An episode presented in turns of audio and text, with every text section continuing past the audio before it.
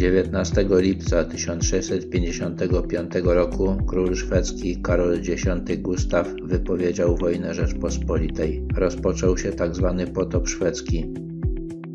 Szwecja była wtedy dość ubogim państwem, które posiadało liczną armię.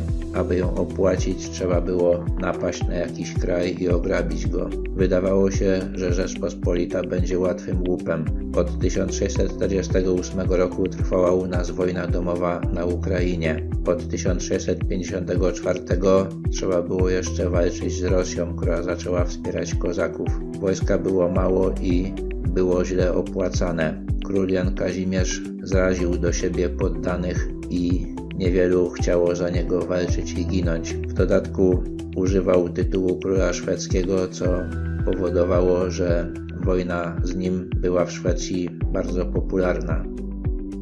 Początkowo Szwedzi łatwo odnosili zwycięstwa i kolejne województwa poddawały się pod władzę króla szwedzkiego.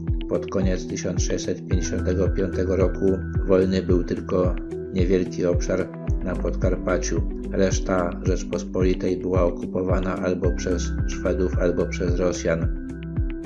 Jednak okrucieństwa i rabunki dokonywane przez okupantów sprawiły, że naród zaczął walczyć. Szwedzi byli stopniowo wypierani z Polski, chociaż po ich stronie stanęły jeszcze Prusy Książęce i Siedmiogród.